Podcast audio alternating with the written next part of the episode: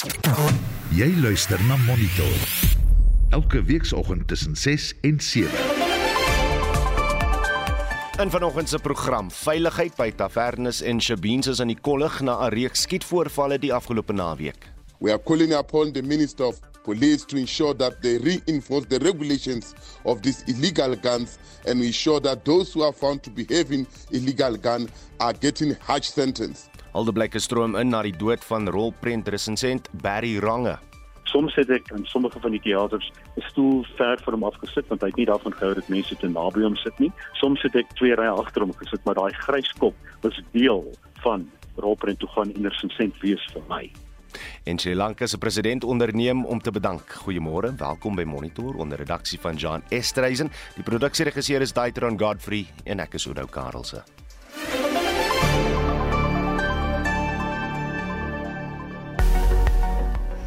Goeiemôre, ek is Marlene en hier is jou reisigers weer voorspelling vir vandag. Nou gelukkig het die weerdiens geen waarskuwings of weerwake uitgereik nie. Neem ons dadelik na die minimum en maksimum temperature. Pretoria 27, Johannesburg 518, Vereniging 518 en Mbombela 923, Polokwane 921, Mahikeng 318, Vryburg 018 en Bloemfontein 114. Kimberley 114 en Appington 520. Kaapstad 1015, George 819, Kebega 1019 en Oos-London 1121. Durban is daar 1423, Richards Bay 1524 en Pietermaritzburg 821. Die volledige weervoorspelling volg so net na 7, maar vir meer inligting kan jy die weerdiens se webtuiste besoek www.weatherisa.co.za.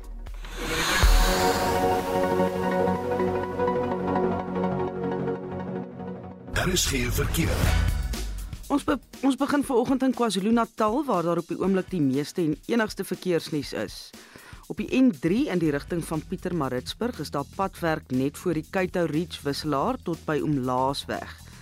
Die pad tussen Keitou Ridge en Omlaas sal egter môre tussen 11:00 en 12:30 weens die padwerk heeltemal gesluit wees. Op die N2 Noord net na die Umhlanga wisselaar is 'n sinkgat. Die linkerbaan is gesluit.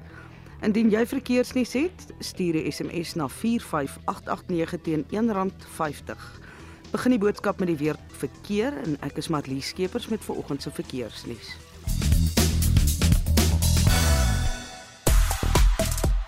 Die pensioenfondswet is gewysig wat die hoeveelheid geld wat batebestuurders van 'n aftreefonds in die buiteland kan belê na 45% verhoog. In die verlede kan nie 30% in die buiteland belê word en 'n verdere 10% in enige Afrika land buite Suid-Afrika. Dink jy dit is 'n stap in die regte rigting wat gemoedsrus kan gee vir pensionaarsse? Deel jou mening. Stuur 'n SMS na 45889 teen R1.50 per boodskap. Praat saam op die Monitor en Spectrum Facebookblad of stuur 'n WhatsApp stemnota na 076 5366961.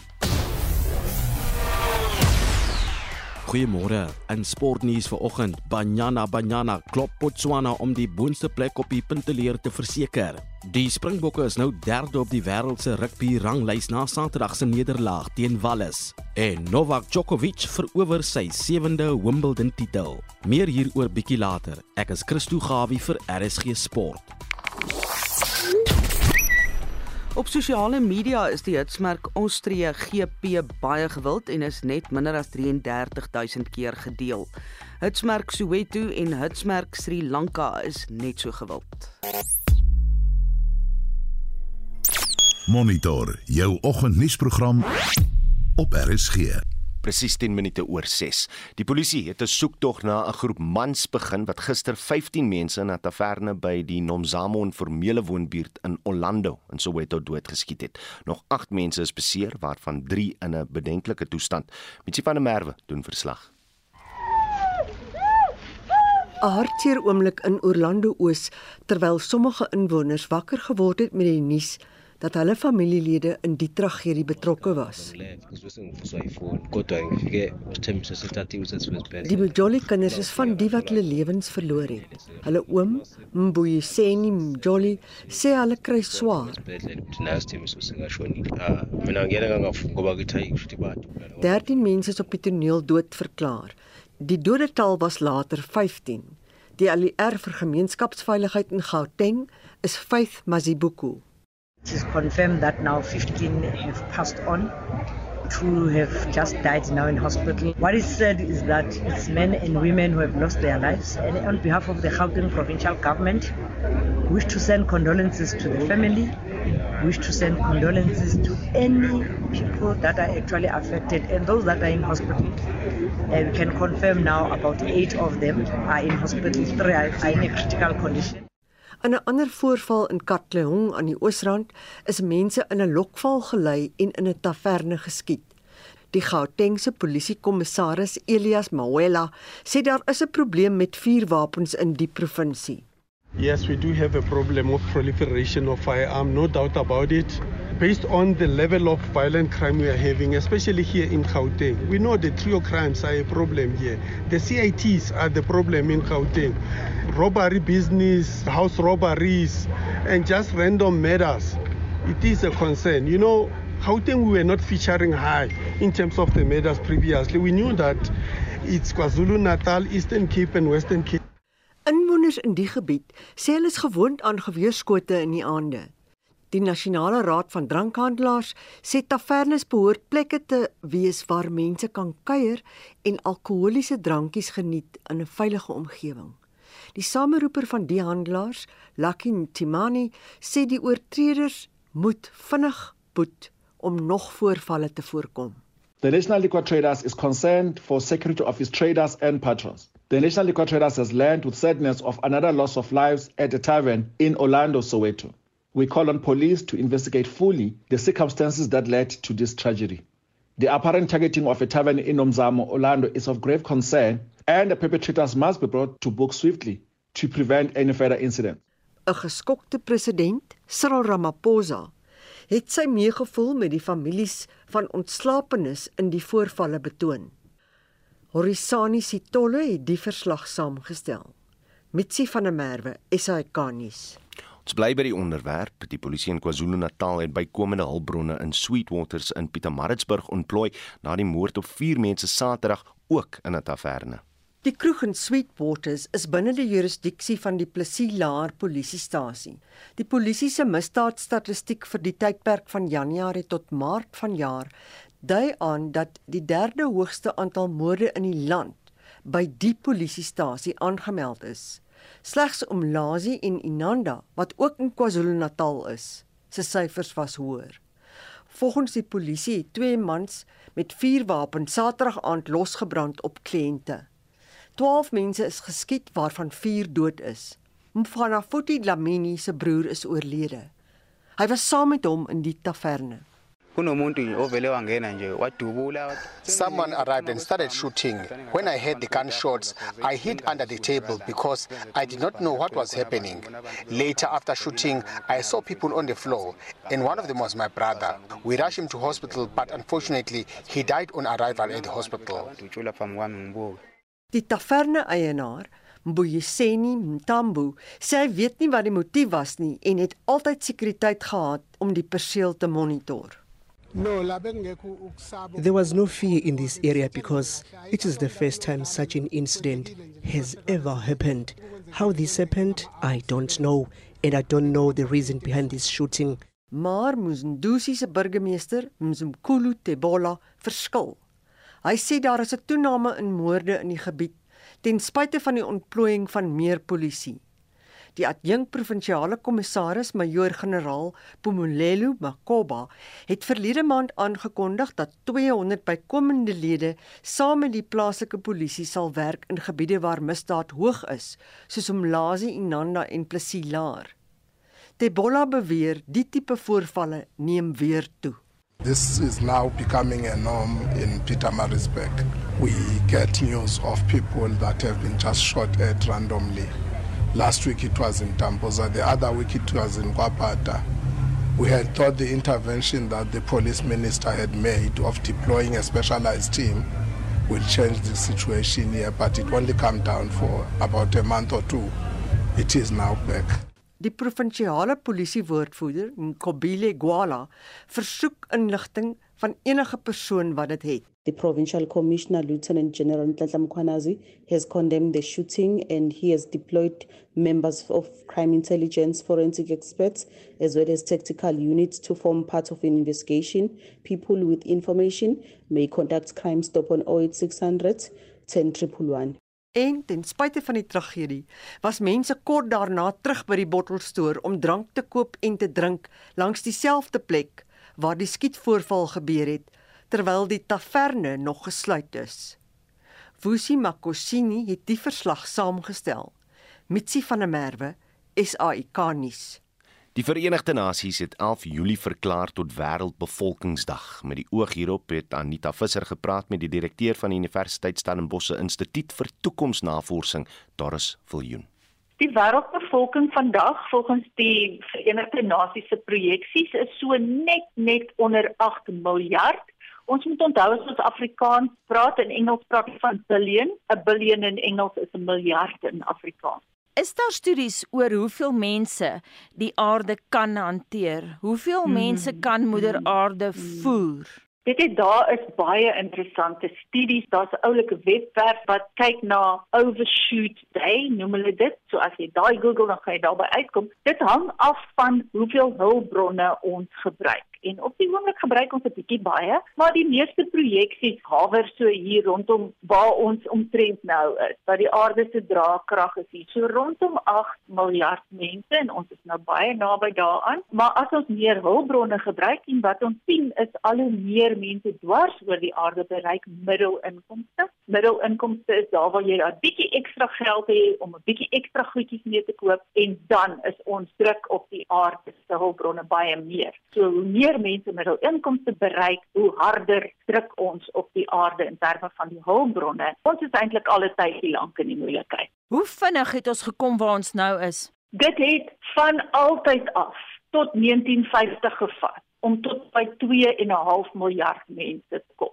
1950 was dit 2.5 miljard en toe verdubbel dit na 5 miljard in net 40 jaar. Nou as jy net dink in terme van die druk op die aarde, hoeveel hulpbronne, hoeveel infrastruktuur moet geskep word om soveel mense te onderhou. En dan van 1990 af tot nou toe is ons nou by amper 8 miljard. So in die laaste 70 jaar het die bevolking van die aarde drasties As mens nou wonder hoekom 'n sensus opnames belangrik is, sodat ons baie goeie data kan hê, het al doen elke jaar op grond van 'n model wat hulle ontwikkel het. Dit vat gewoonlik ten minste 'n jaar voordat sensusopnames goed statisties gegee kan word. So ons vaste data is verlede jaar se mid-year population estimate van StatsSA en volgens dit was ons so in die middel van 2021 so rondom 60 miljoen mense. Is daar interessante tendense wat ons kan sien? Jy het nou verwys na die wêreldbevolking wat baie vinnig gegroei het van die 50er jare af, maar wat voorspel jy gaan gebeur oor sê 20 jaar? Weet jy wat ons sien is 'n interessante skeefheid. In baie noordelike halfrondlande is populasies besig om drasties ouer te word, maar ook 'n bietjie kleiner, terwyl in die suidelike halfrond en veral Asië Indië en Afrika het ons nog 'n geweldige vinnige bevolkingsgroei en in daardie areas is die gemiddelde ouderdom van 'n bevolking dan ook baie jonger. In Suid-Afrika spesifiek het ons ook 'n baie jong bevolking statisties as ons nou kyk na die mediaan ouderdom, maar daar is 'n tendens wat so half wegkruip agter daai en dit is dat die hoeveelheid ouer persone in Suid-Afrika groei teen 'n drastiese koers vir verskillende redes maar onder andere omdat mediese dienste verbeter en so voort. So ons fokus baie keer op ons baie jong bevolking, maar dan mis ons dat ons bevolking van 60 jaar en ouer is besig om drasties te groei en ons is nie regtig besig om die tipe dienste te skep wat hulle gaan nodig hê in die toekoms nie. Dit dan die stem van die direkteur van die Universiteit Stellenbosch Instituut vir Toekomsnavorsing, Doris Viljoen en Anita Visser het daardie onderhoud met haar gevoer. Veranderinge aan 'n regulasie van die pensioenfondswet wat vir al die hoeveelheid geld wat batebestuurders van 'n aftreefonds oor see kan belê, is na 45% verhoog. Die nuwe byvoegings is die afgelope week in die Staatskoerant gepubliseer. Ons praat nou hieroor met die direkteur en beleggingsstrateeg van Brentest Wealth Magnus Heistek. Magnus, goeiemôre. Ja, goeiemôre Oudo en goeiemôre vir die luisteraars. Mag dit wat behels die veranderinge en en watter verskil maak dit as 45% van pensioenfonde oorsee belê kan word? Ja, dis 'n baie wesenlike aanpassing en dit is 'n baie goeie stap in my opinie. Daar was al baie lank druk op die tesorie om die uh persentasie wat pensioenfonde, dis nou beide staats- en private pensioenfonde na die buiteland toe kan skuif om dit in buitelandse markte te belê. Hierdie wet of regulasie 28 beheer die soort van allocasie van kapitaal tussen die verskillende bateklasse met ander woorde aandele plaaslik oorsee eiendom staatseffekte eh, skansfondse en dis meer. En daar was daar was al lank al 'n gevoel ekskuus tog dat die buitelandse allocasie was hopeloos te klein. Dit was 20 dis dit 25 30 en en en nou is dit skielik van 30 na 45% verhoog wat 'n wesenlike verhoging is en op die langer termyn 'n baie goeie ding vir beleggers in Suid-Afrika. Hoekom?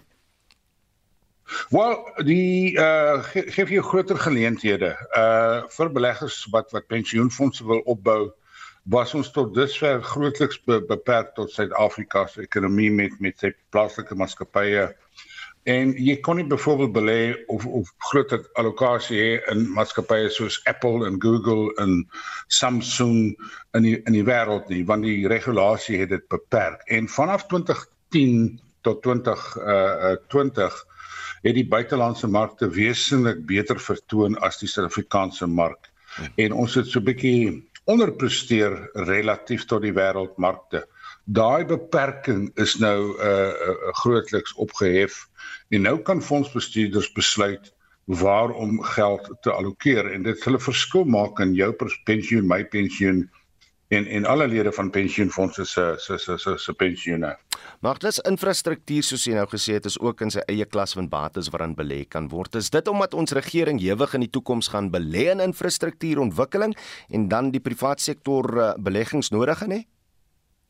Ja, dit is 'n goeie opsomming. Ons het infrastruktuurbeleggings nodig. Daar's nie kapitaal wat uit ander bronne moet kom nie. So ons sit met 'n baie groot pensioenpot wat getap kan word as dit korrek gedoen word. En dit is miskien die een klein dingetjie wat ons baie fyn moet dophou. Hmm. Pensioenfondse kan nou tot en met 45% in infrastruktuur gaan belê, maar dit moet baie baie streng beheer word deur die trustees want dit is 'n soort van 'n 'n bedryf waar van baie mense nie kennis het nie. Dit is 'n tegniese bedryf hmm. en die opbrengste op infrastruktuurbeleggings neem baie baie langer as gewone beleggings. 'n Pad of 'n brug of 'n 'n 'n rivier wat gebou, kanale wat gebou word, dit vat baie lank voordat jy 'n rendement kry op jou geld.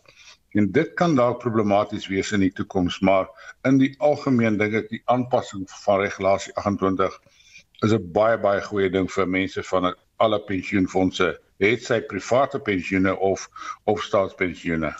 Wa wanneer gaan ons nou hoor of pensioenbeleggings onderworpe sal wees aan hierdie twee potstelsel wat ons in staat gaan stel om van ons pensioenfonds geld te gaan uh, kan gebruik voor ons aftree? Ja, kyk, dit is nou lankal al in die kookpot en ons wag om 'n finale besluit. Ek dink redelik binnekort. Dit het baie baie lank gevat om om om om daai besluit te maak maar dit is nog nie prakties uitgevoer nie. Dit self sal ook 'n verbetering wees in my opinie. Daar is mense wat daarmee verskil. Hulle sê mense moenie toegang hê tot hulle pensioen tot voor aftree ouderdom nie. Ek stem nie daarmee saam nie, maar ek dink ons sal baie binnekort hiervan van hoor van die tesorie. Die die jongste wysiging is daar enige groot nadelige gevolge daarvan wat wat beleggers en pensionaars net bietjie na moet kyk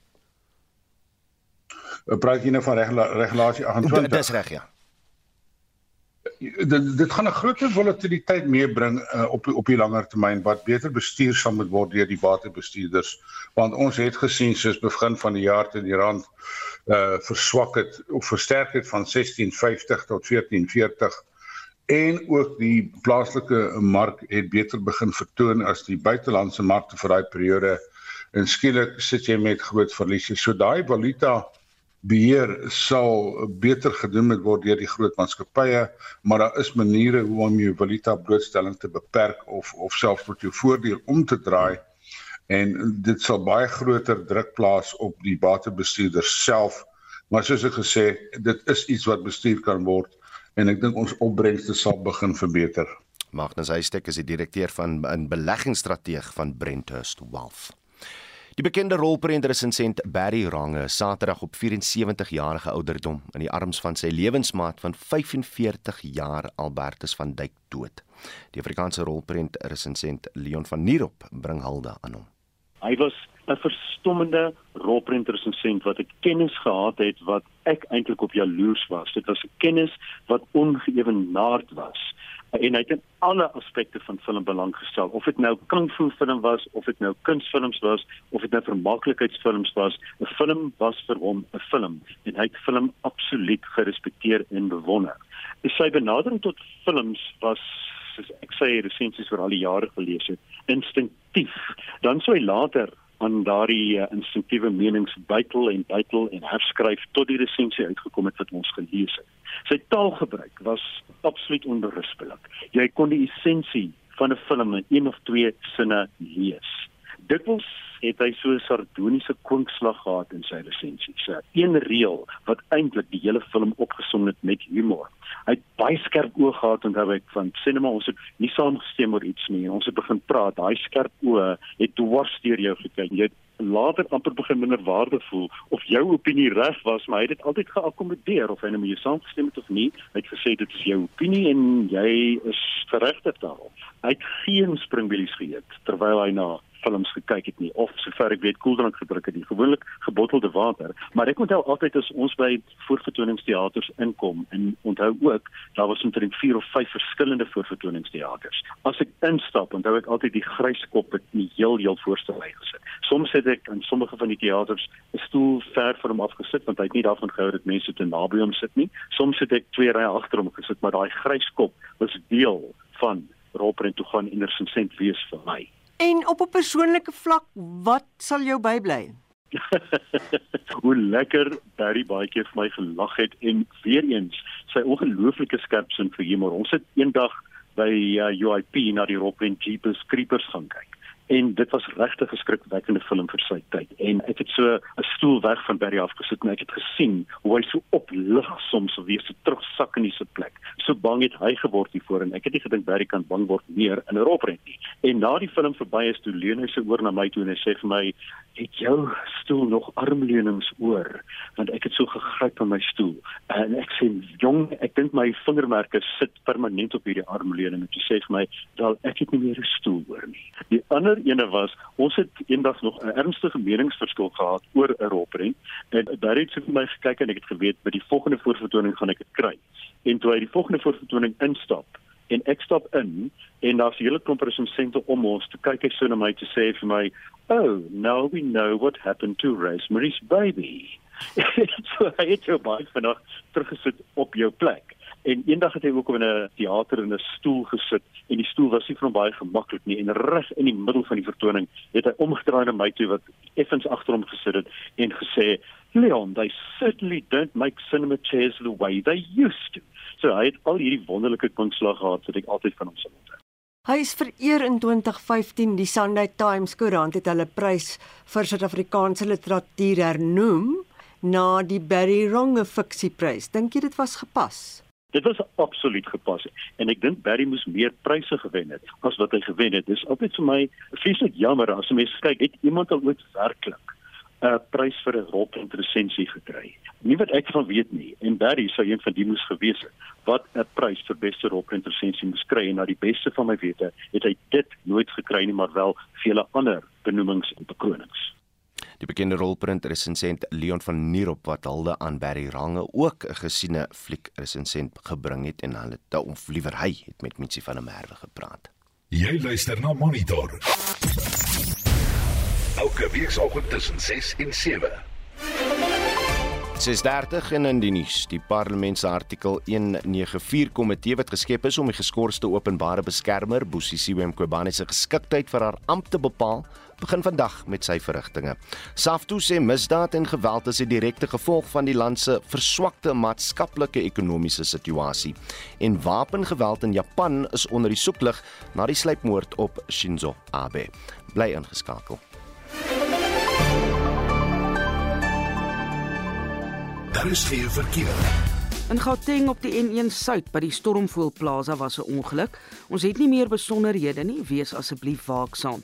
Op die N4 in albei rigtings tussen Garankuwa en die R80 wisselaar is daar padwerk.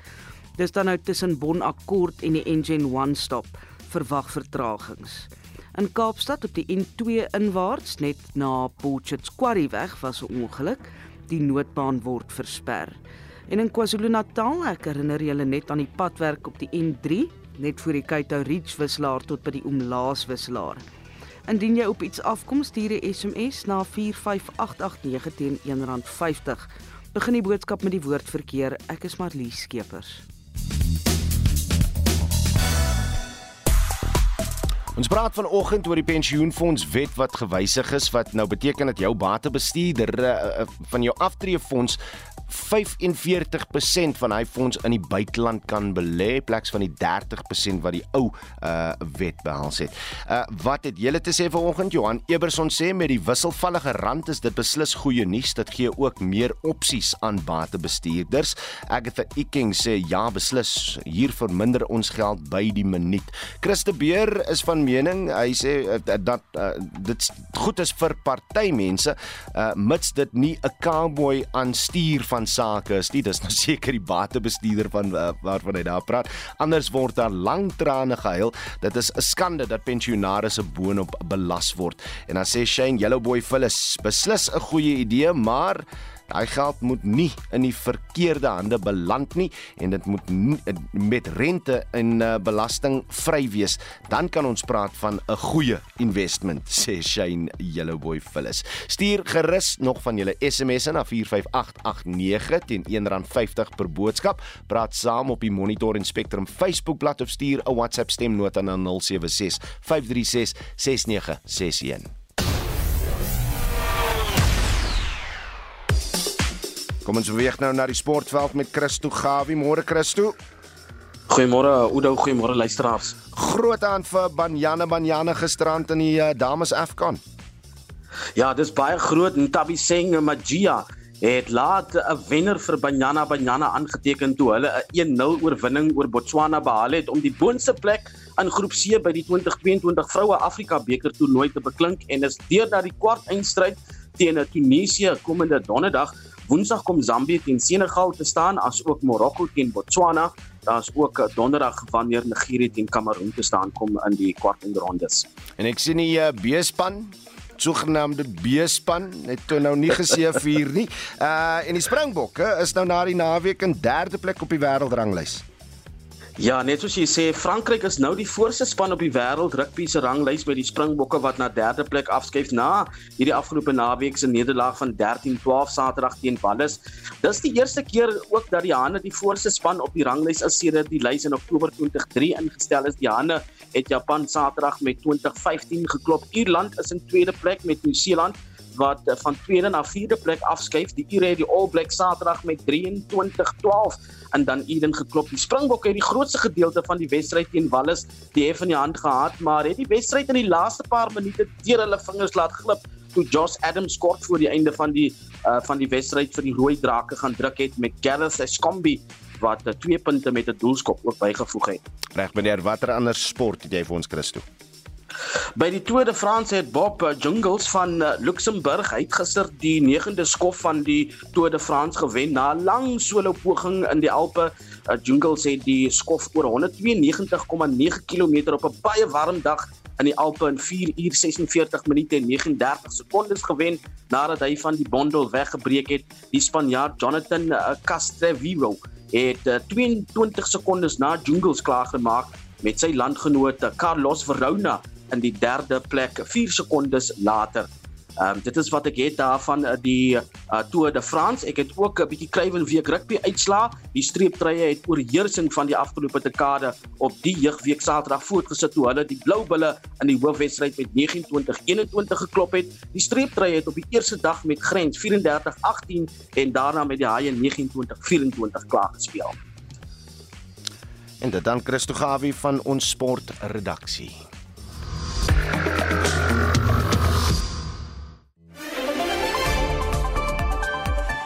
Monitor jou oggendnuusprogram op RSG.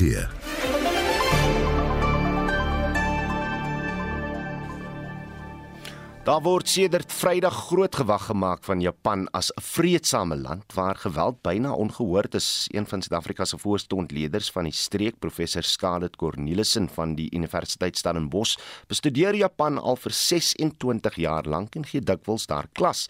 Die laaste keer was in September verlede jaar. Sy het aan Anita Visser gesê, die situasie daar is meer kompleks as wat algemeen verstaan word.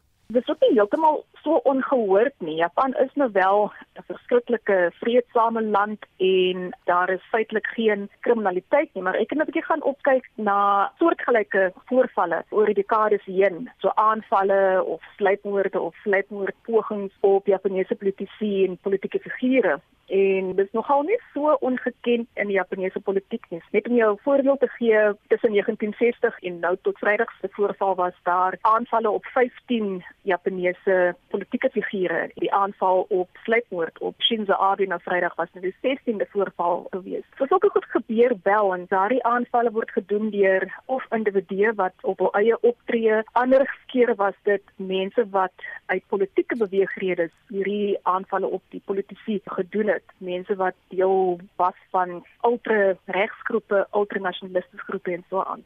So mense kan sê dat hierdie voorval van Vrydag nou as wel skokkend maar dit is ook nie uniek in die Japanse politieke geskiedenis nie. Scarlett, wat sou jy sê is Shinzo Abe se nalatenskap? Ek dink 'n mens moet sy nalatenskap in die konteks van die moderne politieke bestel in Japan plaas want daar is ander figure voor hom. Ek dink byvoorbeeld aan Koizumi Junichiro Koizumi. Hy was eerste minister gewees tussen 2001 en 2006 in die 1940s en 50s Japan se eerste naoorlogse eerste minister Yoshida Shigeru Yoshida. Hy was net so 'n groot reus in die Japanse politieke landskap. So mens moet as mens praat oor Abe se nalatenskap dan is dit meer in die moderne konteks In eerste plek, hy was Japan se langsdienende eerste minister in die moderne grondwetlike era. Hy was eerste minister vir 8 jaar en 8 maande.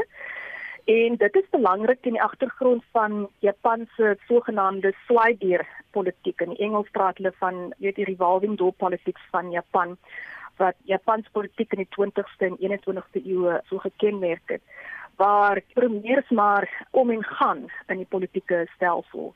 So die feit dat Shinzo Abe so lank eerste minister was, het 'n mate van stabiliteit in die partytetiese stelsel gebring en dit het gekom in 'n tyd direk na 'n effe chaotiese en kort regering deur 'n oppositieparty wat regeer het tussen 2009 tot 2012. Eh, so Shinzo Abe is, uh, was president van die Liberal Democratic Party van Japanese Juninto en vir die eerste keer in 2009 het daardie party na 1945 hul status as regerende party verloor. So Shinzo Abe het ingekom in 'n tyd van onstabiliteit en hy toe nou stabiliteit weer herstel. Ja, so hy verskyn in 'n tyd van onstabiliteit in die Japaneese politieke landskap in die moderne grondwetlike era en het toe 'n mate van stabiliteit gebring. Tweedens is die die politieke stal waaruit Shinzo Abe uitkom. Mense praat van die politieke dinastie wat hy verteenwoordig. Sy pa, Shintaro Abe, was minister van buitelandse sake Een van sy oupas was eertyds se eerste minister in die naoorlogse tydperk en so aan. Jy weet so hy is deel van 'n politieke elite, of was deel van 'n politieke elite in die Japannese politieke stelsel. Sy seun het ook nou onlangs meer prominent geword in die LDP en het ook seker 'n groot politieke toekoms voor hom wat ek dink die vernaamste nalatenskap van Shinzo Abe is dat onder sy leierskap het sy politieke party meer openlik begin praat oor die hersiening van die grondwet.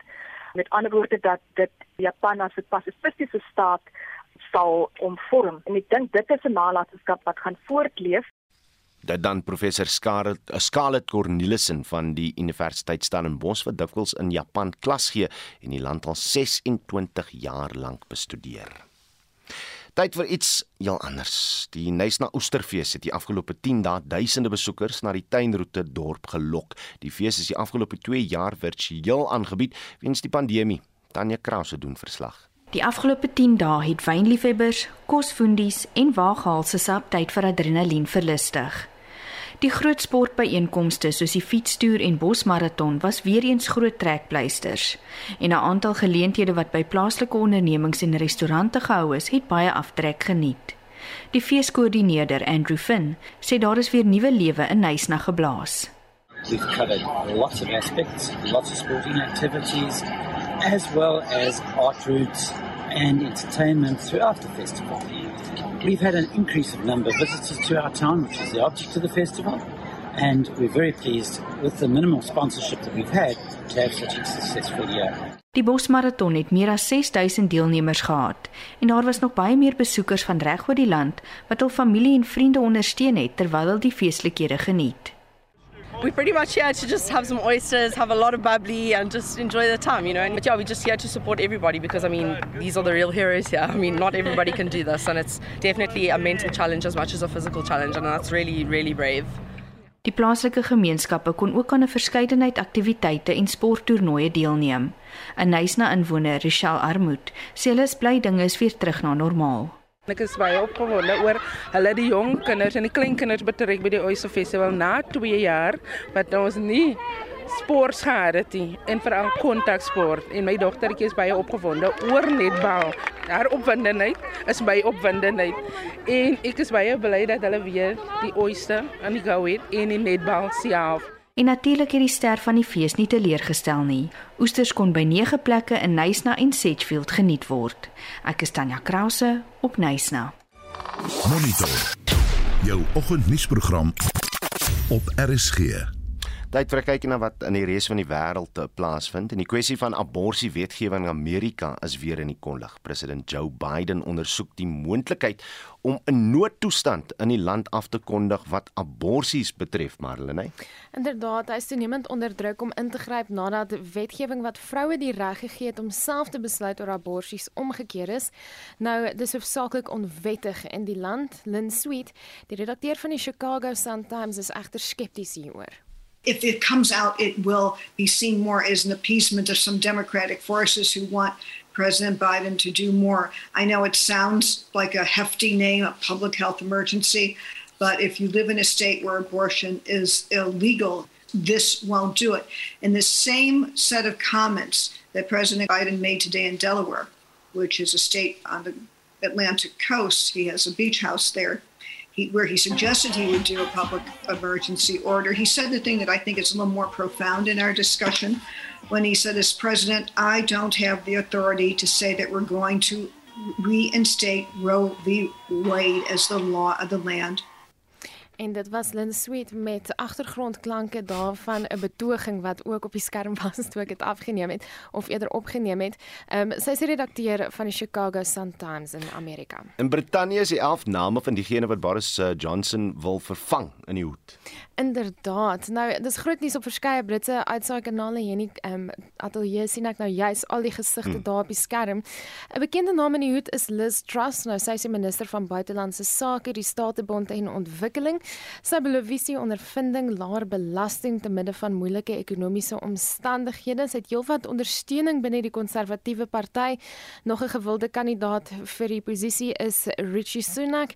Hy sou weer nie so oortuig dat minder belasting in die kort termyn 'n verskil gaan maak in Brittanje nie, maar ons hou verwikkelinge daarop.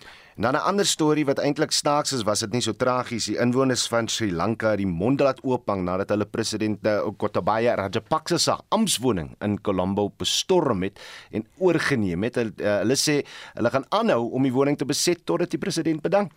En die president gaan na bewering Woensdag sou maak. Nou volgens die weermag is hy op 'n vlootskip in Sri Lankaanse water. Ek sou ook so iets doen as ek hy was. Sure. Hy sê dat die massa betogings in die hoofstad nog nie met 'n oog gesien nie. Nou beeldmateriaal van honderde mense in die amptswoning, in die kombuis, op beddens en dan selfs in die swembad het soos 'n veldbrand op sosiale media versprei die afgelope naweek. How does it feel to swim in the president's personal pool? I'm happy. I'm so happy. A lot of the people here need to also witness the fact that how rich and wealthy and luxurious their lives are. Even this place, how grand, how big the house is, whereas people have been dying and have been suffering to fight for their basic necessities. The people have been demanding for the president to decently sit down. So the people uh, were realizing that, well, unless we physically go and take him out of the chair, he's not going to leave. En dit dan van die mense wat Saterdag deur die amptswoning um, oorgeneem het. Inwoners blameer Rajapaksa vir die maandelange ekonomiese krisis in die land, die invoer van noodsaaklike produkte soos brandstof en medikasie en selfs tee het die land op sy knieë gebring. Nou die huidige premier, Ranil Wickremesinghe, het ook die naweek aangedui dat hy sal bedank, maar kort daarna is sy huis aan die brand gesteek. Hy het die president se broer Mahinda vervang in die posisie en die president se broer skuil nou in 'n militêre basis. Marlenae Forsie daar met ons wêreld nuus maar ons bly nou by die storie en Paus Franciscus het 'n versoek vir vrede en kalmte aan die leiers van Sri Lanka gerig en hulle gevra om die behoeftes van die armes nie te misken nie. Vir meer oor die situasie praat ons nou met Solidariteit se internasionale ontleder Jaco Kleinans. Môre Jaco. Goeiemôre Udo.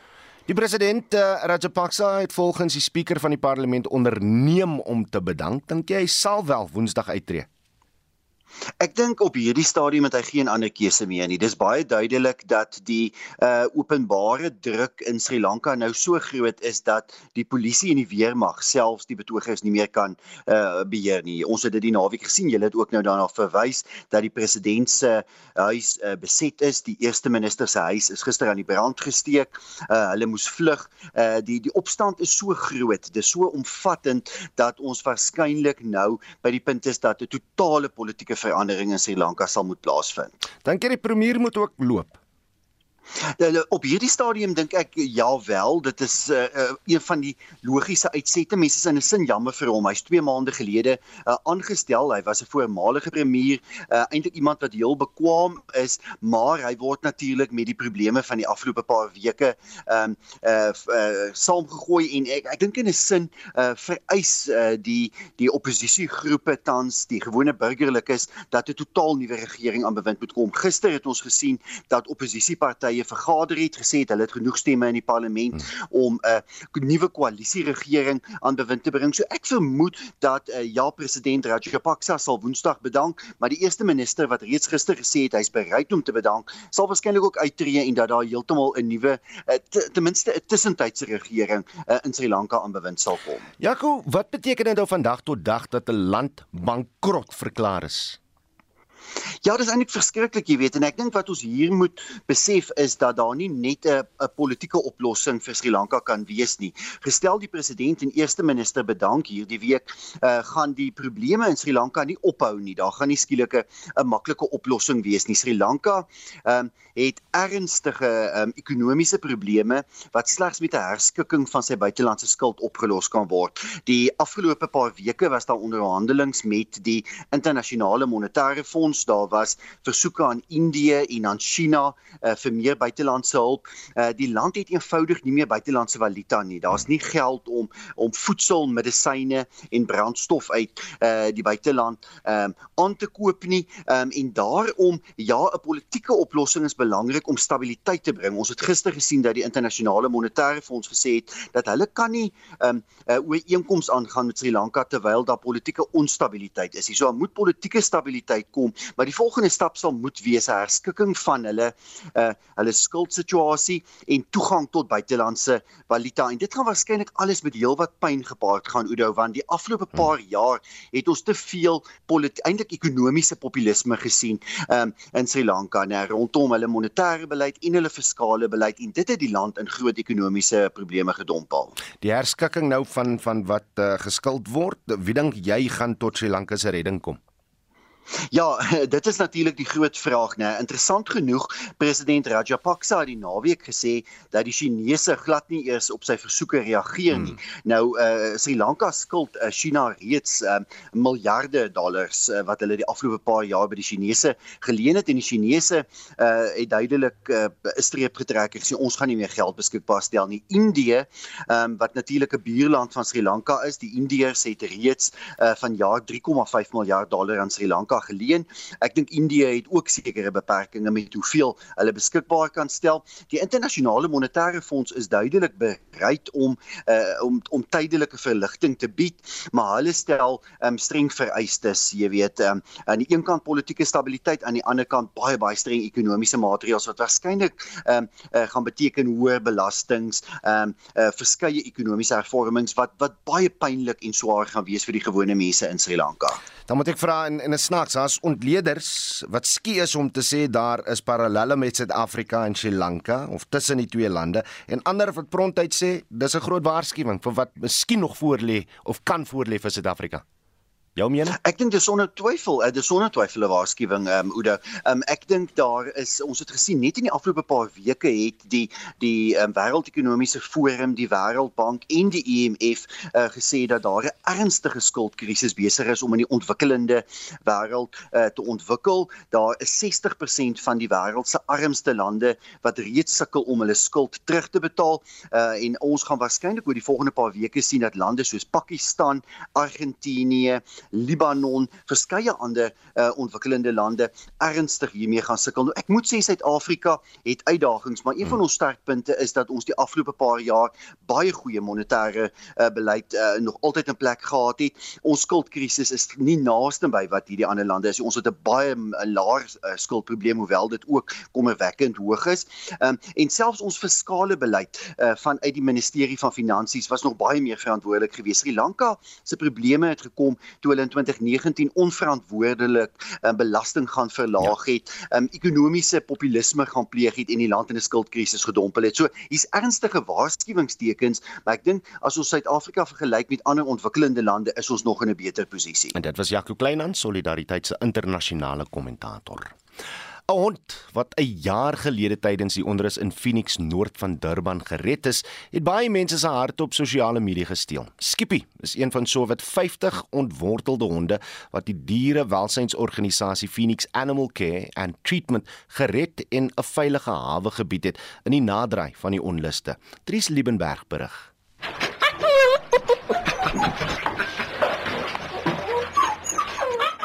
Oulike klein hondjies wat chunk chunk met nuuskierige oë na die wêreld loer, is genoeg om die hardste harte te vermurwe. Maar as die grys hare eers wys, word daar selde twee keer na 'n ouer hond gekyk. Dis wat gebeur het met Skippy, 'n opregte baster van so 6 of 7 jaar. Die liefdadigheidsorganisasie Phoenix Animal Care and Treatment is daar om honde so Skippy te help. Die stigter, Neri Naidu, sê hulle probeer al 'n jaar lank om 'n nuwe tuiste vir hom te vind nadat hy tydens verlede Julie se onrus gered is. Sometimes we rescue these animals who've only known abuse and neglect their entire lives. And what little time they have left is where we get to restore their faith in humanity. Naidu het tydens een van die mees onstuimige tye in die provinsie se geskiedenis in die voorste linies gedien om diere te help. Sy onthou hulle is na 'n verlate huis ontbied waar 'n hond se kop in die tralies van 'n motorhek vasgesit het. Die hond is uiteindelik deur twee verbygaande polisiebeamptes bevry. Niemand het geweet aan wie die hond behoort nie en Naidu sê die dier was so uitgeteer dat sy elke rib en rugwervel kon tel. Sy sê hulle het hom Skippy gedoop toe die bewende bondel binne 'n japtrap ontpop het in liefde van self. He was literally skipping in the van. So we had him in the van and he was like almost hopping in the van because he was so excited that somebody is hugging him because he was very wary of touch first and he didn't know what a hug was. We had to ease him into now that's his favorite thing to do. He also found a tennis ball in the van. So I think he found some comfort and he attaches being rescued to the tennis ball because when we go anywhere he carries that tennis ball around like Linus and his blanket. Naidu sê sy het tydens die onrus 'n noodroep uitgestuur op soek na mense wat bereid was om 50 ontwortelde en vreesbevange diere tydelik te huisves. So we had a lot of people not being able to keep their animals safe. We had such a high number of people fleeing Durban and leaving their pets behind, even pets that we had adopted out. It was such a busy time. It also put animal welfare organizations in a predicament because we weren't able to move from suburb to suburb. Met verloop van tyd het Pact se vrywilligers Skippy leer ken as 'n lieftallige dier wat veral van kinders hou. Selfs die mikrofoon het 'n opgewonde lek gekry. Looking quite charming today with all your soot. Hey boy. Who's a handsome puppy? Why is the mic getting more love than me? No, Skippy. hey, my boy. Naidu hoop dat daar selfs vir 'n middeljarige hond so Skippy 'n huis is waar mense vir hom sal lief wees. Ek is Dries Liebenberg in Durban. Daar is geen verkeer. In Gauteng op die N4 Oos net na die Watermeyer afrit was 'n ongeluk. Die verkeer is besig om op te hoop vir wagvertragings. Steeds op die N4 Oos net na die proefplaas Wisselaar was 'n ongeluk waarby verskeie voertuie betrokke is. Twee bane word versper.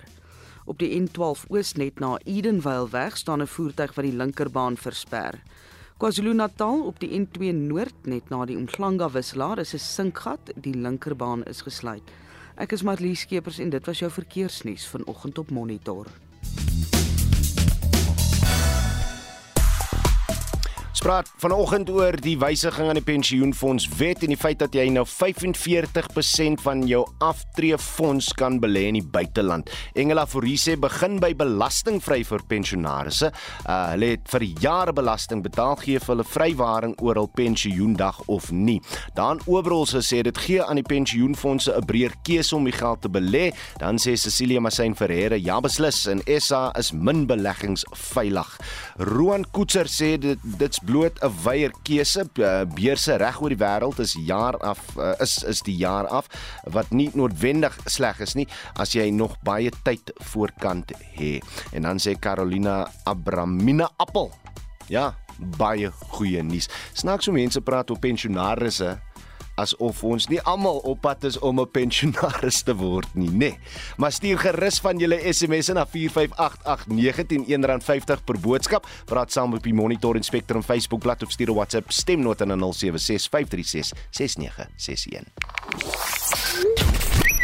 Op sosiale media die hitsmerk SS Tennis is besig om spoedig 'n baie gewilde onderwerp te word.